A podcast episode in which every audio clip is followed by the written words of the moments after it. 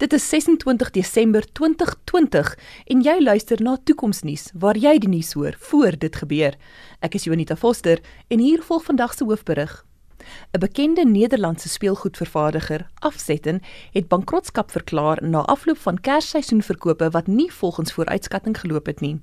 Dit volg nadat die vervaardiger in Oktober 'n aanbod gemaak het om die gewilde Benson toep te koop.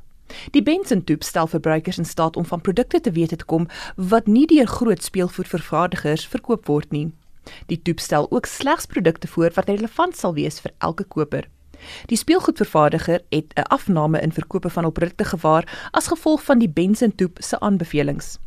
Gebruikers van die Benson toep het besluit om die speelgoedvervaardiger gedurende die Kersfeesseisoen te boikot. Die stigter van die sosiale media groep wat die boikot begin het, meneer Isak Grimmig, het gesê dat verbruikers moeg is om gemanipuleer te word deur groot speelgoedvervaardigers se advertensieveldtogte gedurende die Kersseisoen. Die groep voel dat die Benson Toep 'n mate van besluitnemingsmag teruggee aan die verbruiker en hul beskou dis die koopaanbod van die speelgoedvervaardiger as 'n onaanvaarbare magspel. Pieter Geldenhuys is saam met my in die ateljee om te verduidelik wat hier gebeur het. Hallo Pieter. Hallo Jonita. Pieter, watter tegnieke is tradisioneel gebruik om kopers te beïnvloed om sekere produkte te koop veral gedurende Kersfeesseisoen? Unita voor die internet era het ons natuurlik na radio en televisie advertensies gekyk, maar met die internet era het sosiale media al hoe groter rol begin speel. En daar het ons sekere kernbesluitnemers, mense wat taamlik gewild geraak het op die YouTube kanaal en ook natuurlik op Twitter en Facebook, het, kerk, het kardinale elemente geword in die beïnvloeding van mense. Hierdie persone is byvoorbeeld geld betaal om sekere produkte uh hoër aan te slaan as ander en dit het 'n groot impak gehad oor wat was populêr of wat was nie. En dit het 'n tamelike groot rol gespeel in terme van die voorspelbaarheid van watter produkte wel sou verkoop oor die Kersseisoen.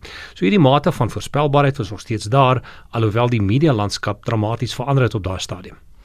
So, hoe verskil die Benson Toep se voorstelle dan van die media en die YouTube mense se voorstelle? Ek dink die groot verskil van die Benson Toep is dat dit na jou as individu kyk en, en sekere voorstelle maak van produkte waarvan jy sal hou eerder as om jou te beïnvloed om produkte te koop wat vir die gemiddelde man op straat uh, aantreklik lyk. So watter tegnologie gebruik die Benson Toep dan om vir jou spesifieke voorstelle te maak van goed waarvan jy sal hou? Waar kry jy hierdie inligting vandaan? Dis baie interessant want elkeen van ons het 'n digitale voetspoor vir die laaste paar jaar al. En wat baie interessant is van die digitale voetspoor is dat alles wat jy op jou rekenaar of op jou selfoon doen, is daar maatskappye wat naspoor en sien wat jy doen. Selfs so lank terug soos 2015 kon mense dit al sien.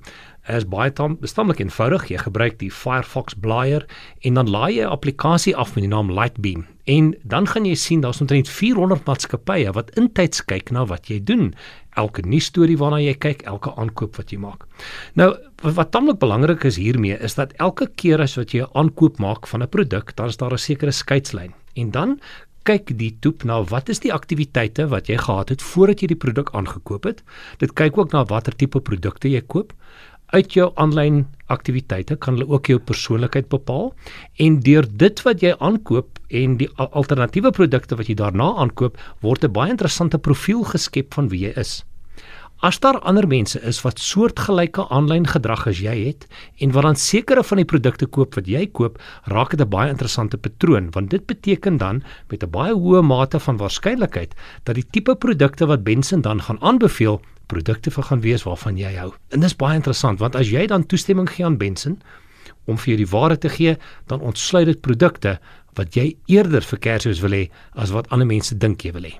So gaan dit dan nou my my man en my kinders ensovoorts help om om daardie vraag van wat wil jy hê vir Kersfees te omseil? Kan kan ek vir hulle die Benson toep gee en my inligting met hulle deel? En dis presies hoekom Benson so gewild is. Benson is gewild omdat dit vir iemand 'n baie goeie aanduiding gee van watter produkte die persoon waarvan jy hou eintlik sal van hou.